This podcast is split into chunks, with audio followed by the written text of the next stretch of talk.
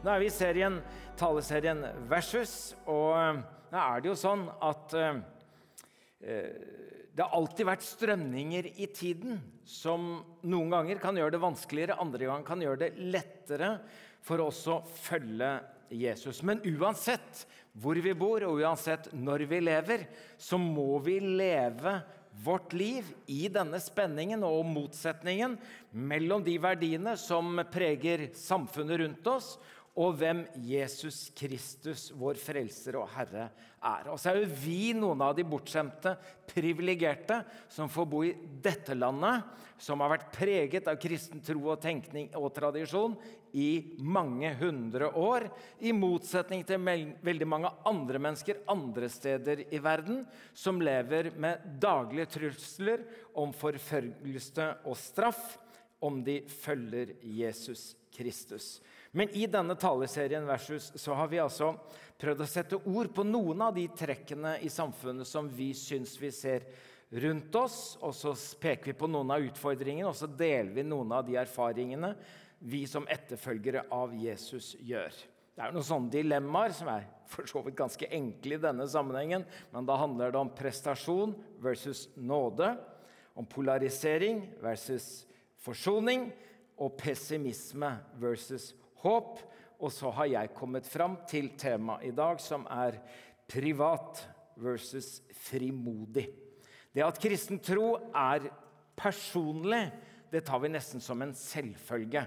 Eh, det er jo derfor vi har trosfrihet. Du skal kunne velge selv om du vil tro, og hva du vil tro eller ikke. Men eh, er troen en privatsak? Er personlig, religiøs, kristen tro privat. Etter å ha oppfordra leserne av hebreerbrevet og be de å tenke igjennom både sine egne lidelser pga. den troen de har, men også deres solidaritet med andre kristne som lider, så ber forfatteren av hebreerbrevet dem om dette. Kast ikke vekk frimodigheten, for den gir stor lønn. Dere trenger utholdenhet, så dere kan gjøre Guds vilje og vinne det som er lovet. Hadde jeg ikke tenkt å gjøre en håndsopprekning, men jeg kunne jo ha spurt hvem av dere er frimodige, og hvem er feige? Når noen ser meg på TV, så tror de at jeg er født frimodig. Jeg er en sånn som går, går og snakker med alle og snakker med folk om Gud, både høyt og lavt. Men jeg er født feig. Jeg gikk på Sagene skole. Du kan jo lure på hvem i denne rekka jeg er. Det ser ut som om jeg står i bakerste rekke ved siden av Vetle, men han er altså et par generasjoner yngre enn meg. Men jeg står i bakerste rekke, og på Sagene skole visste jeg ikke om noen andre som var kristne. Det hadde gått en kristen på skolen, men han hadde blitt så mobba at jeg at, tenkte at her lønner det seg å ligge lavt og prøve å sørge for at ingen får vite hva jeg tror. Og Det spørsmålet som var verst av alt, når jeg hadde bannet litt lavere og stjålet litt mindre enn de andre, var at en plutselig så på meg og sa 'Er du religiøs, eller, og da, og mange andre ganger, ble jeg da sprut rød, og hjertet begynte å banke. Altså, Jeg hadde jo verdens anledning til å si et eller annet om hvem jeg var, og hva jeg trodde på, men det turte jeg ikke. Isteden sto jeg borti et hjørne av skolegården og grein aleine. Og så sa jeg til Jesus dette vil jeg ikke mer. Jeg kan ikke være én ting inni meg og noe annet på utsida. Jeg kan ikke leve sånn. Så jeg bestemte meg for at der og da nå skulle jeg legge hele mitt kristne prosjekt på hylla for godt. Men så måtte vi gjennomføre en leir som vi allerede var påmeldt på. Og etter tre dager på den leiren så ble jeg kvalifisert for hjemsendelse. Da kommer leirsjefen på en tanke om at jeg skulle få en prøvedag. Eh, og denne prøvedagen ble min nådedag. Ikke fordi jeg fikk være en dag lenger, men fordi den dagen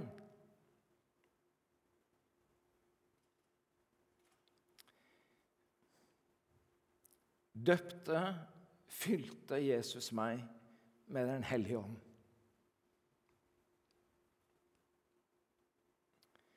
kunne jeg beskrevet den opplevelsen.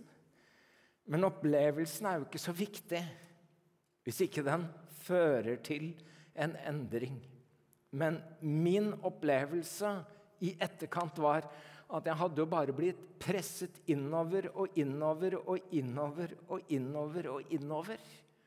Men nå hadde noe kommet inn i meg som presset den andre veien. Utover og utover og utover. Og jeg fikk et voldsomt formidlingsbehov for å fortelle om hvem jeg trodde på, og hva jeg trodde på. Så den feige Egil han begynte å reise rundt på bedrifter. Han begynte etter hvert å reise rundt på skoler. og Vi startet kristen skolekontakt. Og vi gikk jo i Jesus-marsjer seint og tidlig. Ja, jeg har hatt hår det bør nevnes. Eh, jeg er jo ikke født skalla. Og det var liksom ikke den mulighet som gikk fra oss til det å fortelle om hvem Jesus er, og hvem Jesus var for oss.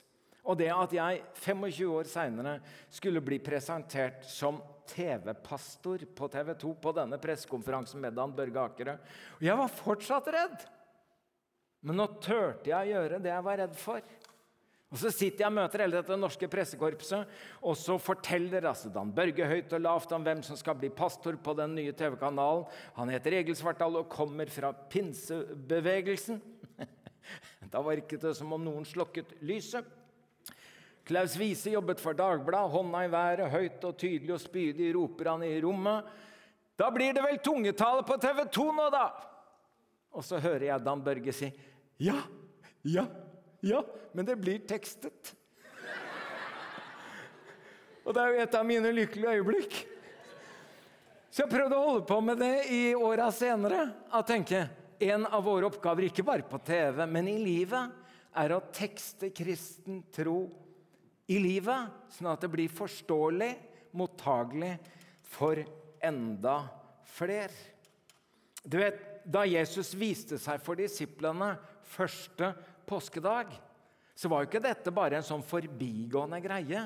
Han sier rett og slett 'Dere er vitner om dette'. Altså, De hadde sett at han som var død, nå levde. Og så sier han 'Dere er vitner om dette'. Og Det høres jo ut som et helt, helt umulig oppdrag. Og så sier han, 'Og se, jeg sender over dere det som min far har lovt.' 'Men dere må ikke dra fra Jerusalem. Dere må bli i Jerusalem.' Da er da du gjerne skulle hatt kalenderen. ikke sant? Sånn at Jesus bare kan sagt, nå fra første påskedag til Kristi himmelfartsdag, altså nå på torsdag, så er det 40 dager. Da reiser jeg. Og så etter det er det ti dager til pinse. Det betyr den 50. Så da kan dere vite det hvor lenge dere skal Nei, de hadde jo ikke en sånn kristen kalender. De visste jo ikke om det var 40 dager eller 400 dager. Men han bare sier, 'Bli Jerusalem, til jeg får utrustet dere.' Og så reiser han til himmelen på Kristi himmelfartsdag og første pinsedag, hvor jødene skulle feire at de fikk loven. Den dagen kommer Den hellige ånd. Og han hadde jo sagt det.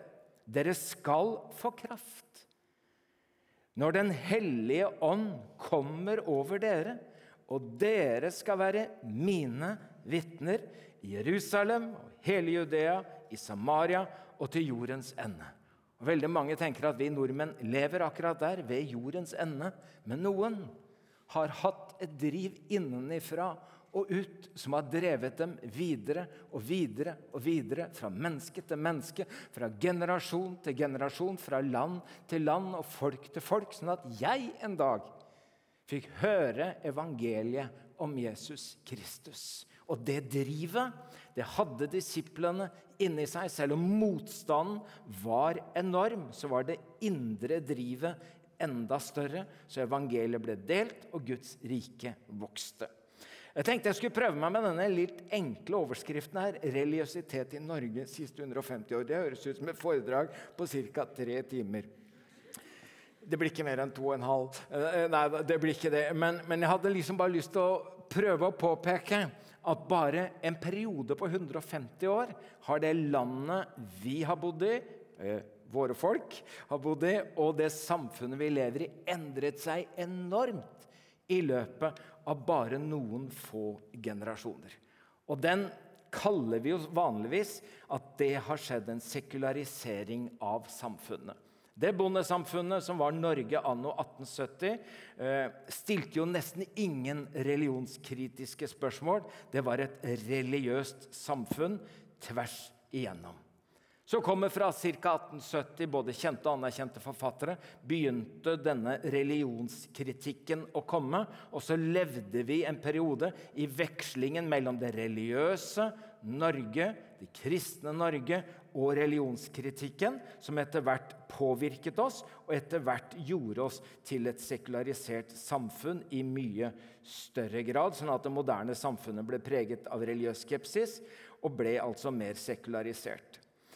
Sekularisering betyr i praksis rett og slett at religion mister innflytelse over samfunn, kultur og enkeltmennesker.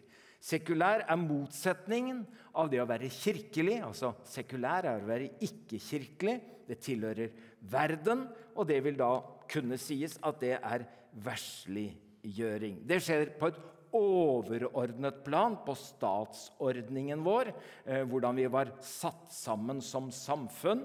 Ikke minst eh, symbolisert ved at eh, statskirken ble ledet av øverste leder, kongen, i statsråd, så flertallet i regjeringen måtte være medlemmer av statskirken for at det skulle være mulig å holde kirkelig statsråd på Slottet. Det sier noe, og nå har vi nettopp sett kroningen av kong Charles og tenkt oi, det er fortsatt sånn der borte at dette henger veldig i hop, eh, større grad enn da de har gjort og gjør her i Norge. Men eh, det ble altså det skillet, og det kom så sent som skillet mellom kirke og stat skjedde så sent som i 2017. og Da får det bare symbolisere denne frigjøringen mellom stat og religiøsitet og kirke i mye større grad. Så skjer det etter hvert i større og større grad i organisasjonene og i institusjonene, i skolen, i mediene. og Det var liksom ikke noe snakk om når jeg vokste opp, for da jeg vokste opp, og det var jo rett etter istiden eh, eh, At 97% av Norges befolkning gikk i statskirken. Så det var altså et homogent samfunn. Det var ingen som diskuterte på den tiden om juleavslutningen på skolen ikke skulle være i kirka. Eller om det skulle være, uh, skulle være sykehussjaman eller en sykehusprest. Skal vi ha en feltpress i Forsvaret, eller skal vi ha en feltguru? Hva er det vi trenger? Den gangen altså var det religiøst, kristelig, men så er det sånn at det sekulære samfunnet løser opp mye av denne automatiske koblingen. Og Det møter vi da i disse offentlige rommene og i fellesrommene at det er et sekulært rom, ikke definert som religiøst. Det møtte vi bl.a. Eh, etter å ha hatt eh, gudstjenester i rådhuset som avslutning av Bønn for Oslo, som vi hadde hatt i mange år med Den eh, norske kirkes biskop i Oslo og med Den katolske kirkes biskop i Oslo. De fleste pastorer og prester fra alle kirker og menigheter i Oslo hadde da en felles avslutningsgudstjeneste i rådhuset. Men nå sa de det kan vi ikke ha lenger, for eh, rådhuset skal være et nøytralt hus.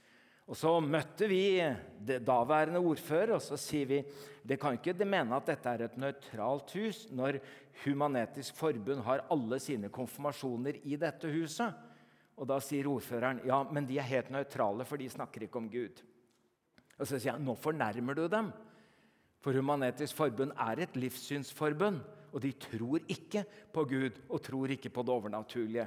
Ja, Da skulle han gå på en eh, borgerlig konfirmasjon og undersøke dette. Så kommer han tilbake, og så har vi en ny samtale, og så sier han ja, jeg hadde helt rett. Det er helt nøytralt. De sa ingenting om Gud. Så sekulariseringen har egentlig handlet om i stor grad at man frikobler stat, kirke eller religiøsitet, men også alle de andre offentlige rommene er i større grad blitt frikobla fra det religiøse, men også fra det kristelige. Nå har eh, Magnus Malm skrevet en bok om eh, sekulariseringen. Og Han er ikke så veldig opptatt av sekulariseringen av samfunnet. Han er mye mer opptatt av sekulariseringen av kirka.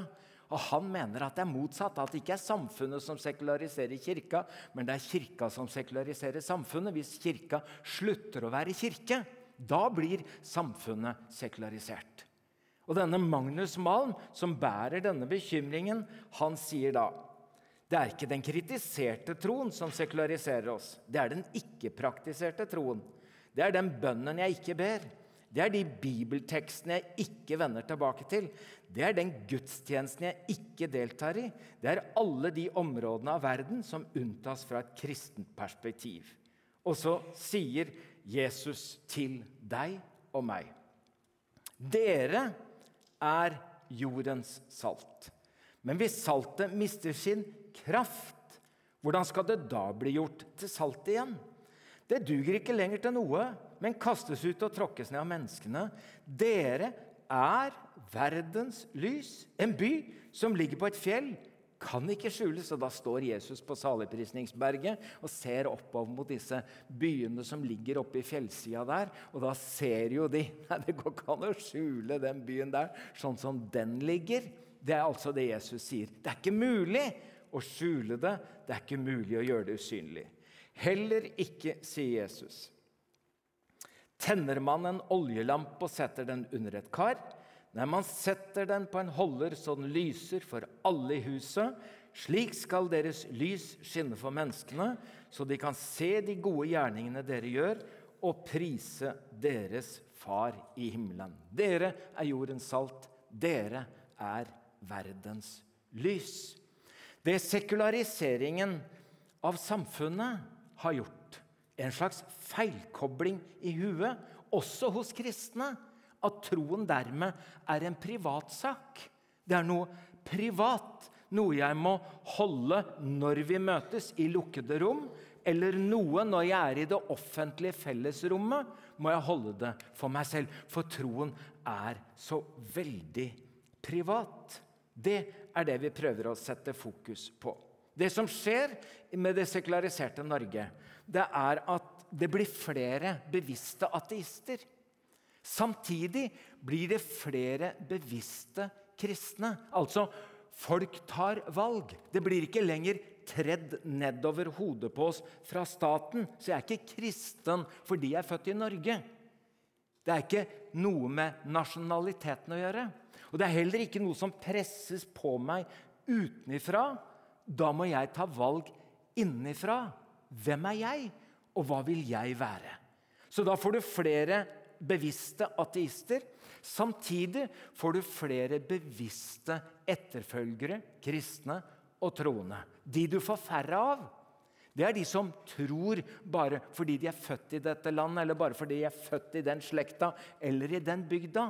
De blir det færre av. Men sekulariseringen av samfunnet har altså ført til i større grad en privatisering av troen, som gjør at veldig mange kristne også, når de kommer i andre rom enn kirkerommet, så blir vi litt lavmælte og så blir vi litt usikre. Nei, dette må jeg holde for meg selv. Dette er jo veldig privat, dette at jeg er en kristen. Eh, Kristne skole, og studentlaget gjorde en stor undersøkelse som de la frem resultatet av i 2018, så det er ikke forferdelig lenge siden. Og Tallene viser at de aller, aller fleste kristne studenter velger uh, unngår å bli identifisert som kristne. Generalsekretæren Karl Johan Kjøde sier funnene fra undersøkelsen tegner opp et svært dramatisk bilde av at vi skammer oss over evangeliet.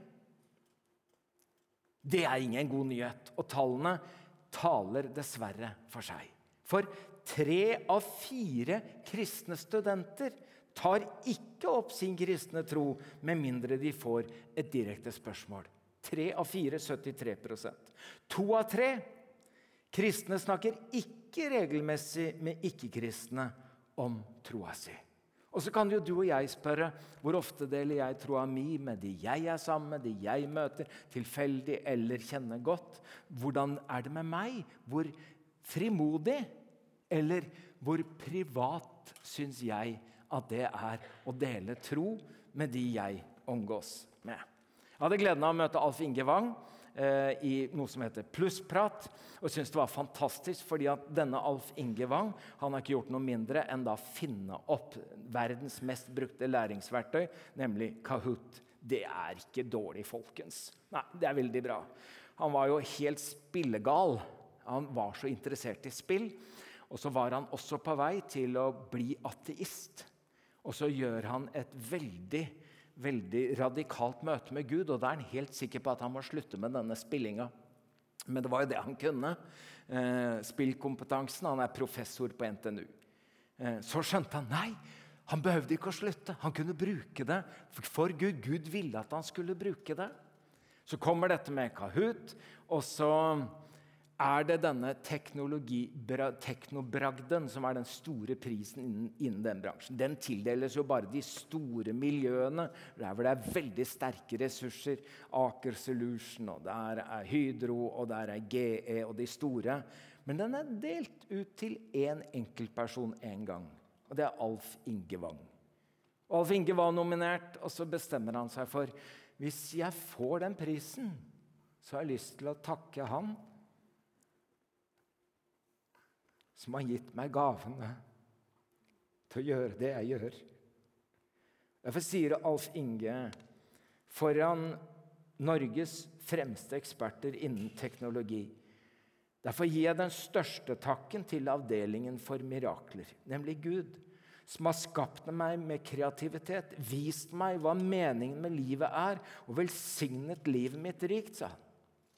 Og jeg ser det jo mer og mer at flere og flere, særlig idrettsfolk, har et slags religiøst språk. De skårer mål, de gjør gode greier, de gjør gode greier på idrettsbane. Så ser jeg veldig ofte at de er ikke blyge for å takke, for å ære og tilbe Gud.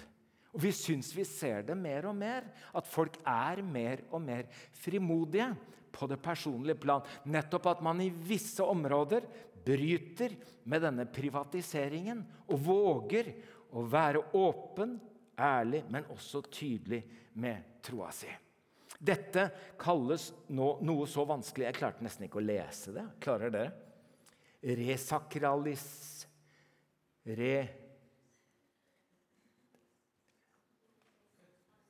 Ja, det er ikke resa. Det er resakralisering av individet. Det syns jeg er et veldig vakkert ord.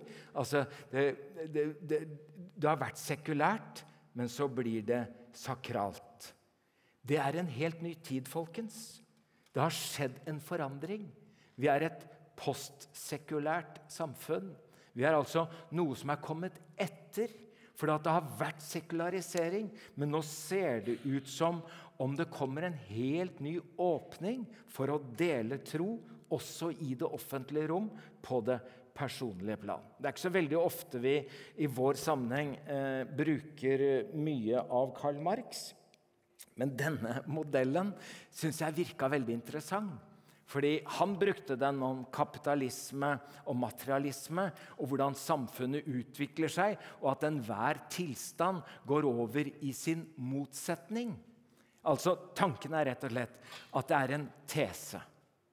Denne tesen blir møtt av en antitese. Altså, det var et religiøst samfunn, så kom religionskritikken. Det er antitesen. Så blir vi et sekulært samfunn. Det er syntesen. Og når man har hatt denne syntesen, da blir det en ny tese. Og denne nye tesen får da en ny antitese. Og denne nye antitesen skaper en ny syntese. Hvis dette er sant, så er det sånn at vi har vært et samfunn som har vært religiøst, blitt mer og mer sekulært. Men nå går vi over, og er over, i en fase hvor vi er postsekulariserte i den forstand at vi blir resa,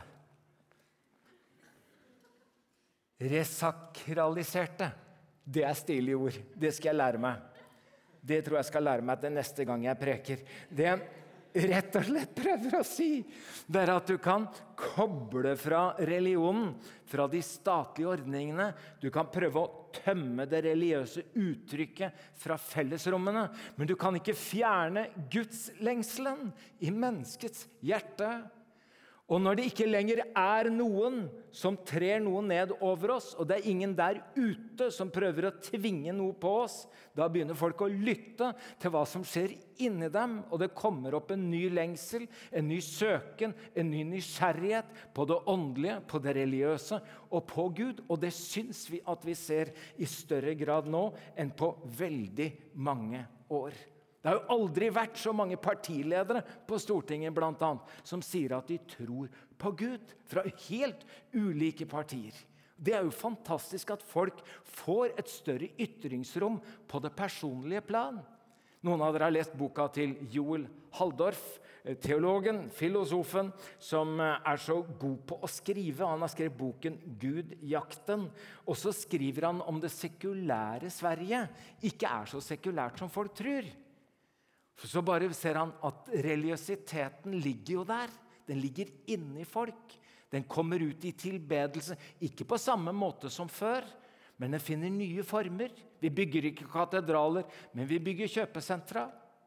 Og så begynner han å lete etter uttrykk for det som dypest sett er en form for religiøsitet i det postsekulære samfunnet. Og tesen hans er altså vi er alle religiøse. Folkens, det er ikke tid for at vi som kristne tenker at troen er privat. Det er tid for å tenke at veldig mange mennesker går og bærer på en lengsel. De bærer på en nysgjerrighet og en søken, og du har løsningen. Du kan koble deg på det som allerede finnes i mange menneskers liv. Du vet, når Dronning Ester hun hadde jo skjult sin identitet eh, som jøde. Men så er landet og folket i krise, og hun kan muligens sitte med løsningen. Og da sier Gud til henne.: For om du tier i denne tiden, vil hjelp og redning komme til jødene fra et annet sted, men du og ditt farshus vil gå til grunne. Og hvem vet om det ikke er for en tid som denne at du har fått dronningverden? Folk, rett opp ryggen. Åpne opp øya og kjenn at vi lever i en vårtid for å dele vitnesbyrdet, den personlige fortellingen om hvem Jesus er for oss. Så ikke la deg true til taushet. Ikke på noen måte, men vær frimodig. Dette, dette med eh, disiplene som var redde og feige og låste døra Det skjedde jo noe med pinsedag, etter pinsedag som gjorde at de ble helt annerledes. Så vi skal ikke lenger fram enn til kapittel 3 i Apostlenes gjerninger. Så er Peter og Johannes på vei opp til tempelet for å være med på ettermiddagsbønnen. Så går de forbi Fagerporten, tempelporten, eh, og der sitter jo denne tiggeren som har sittet der i alle år.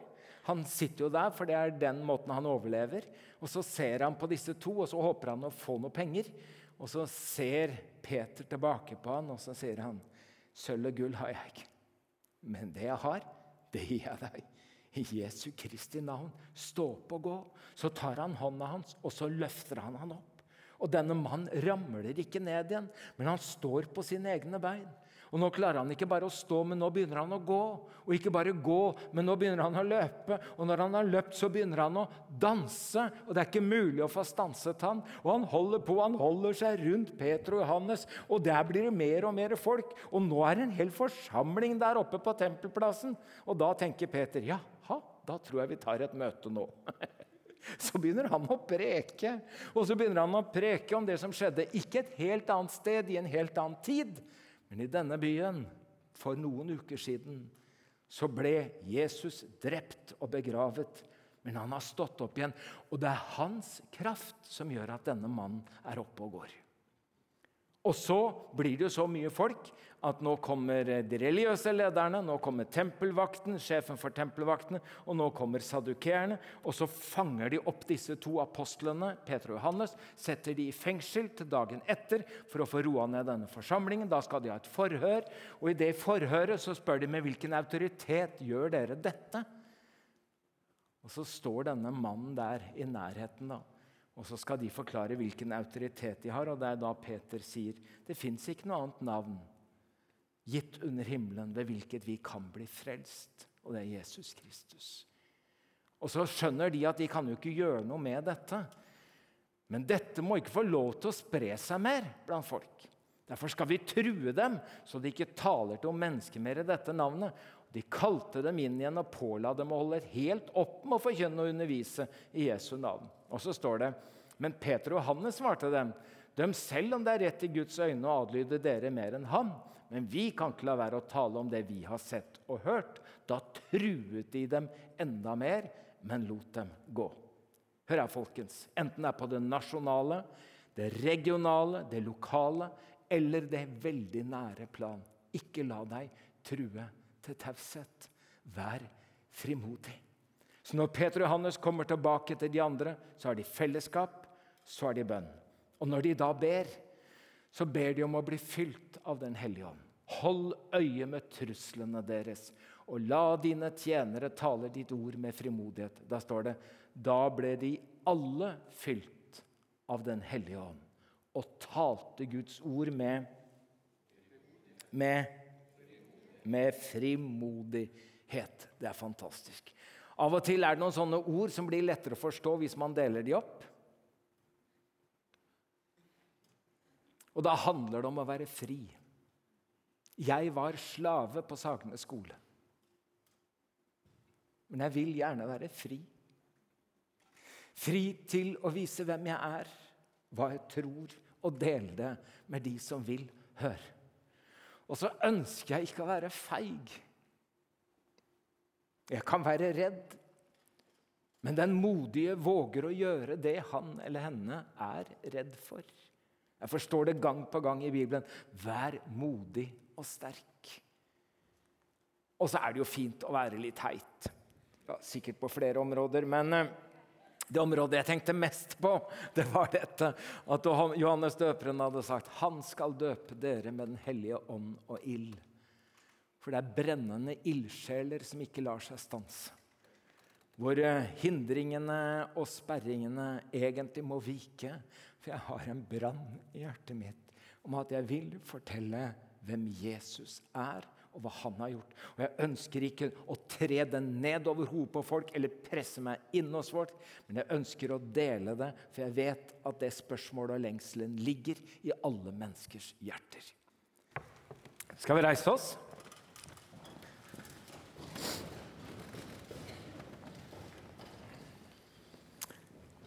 Først og fremst denne indre lysten, ønsket om å være frimodig uten å være frekk uten å være påtrengende, allikevel være frimodig til å dele. Med tanke på at det er det navnet ved hvilket vi kan bli frelst. Og så har Jesus sagt dere skal få kraft i Den hellige ånd kommer over dere.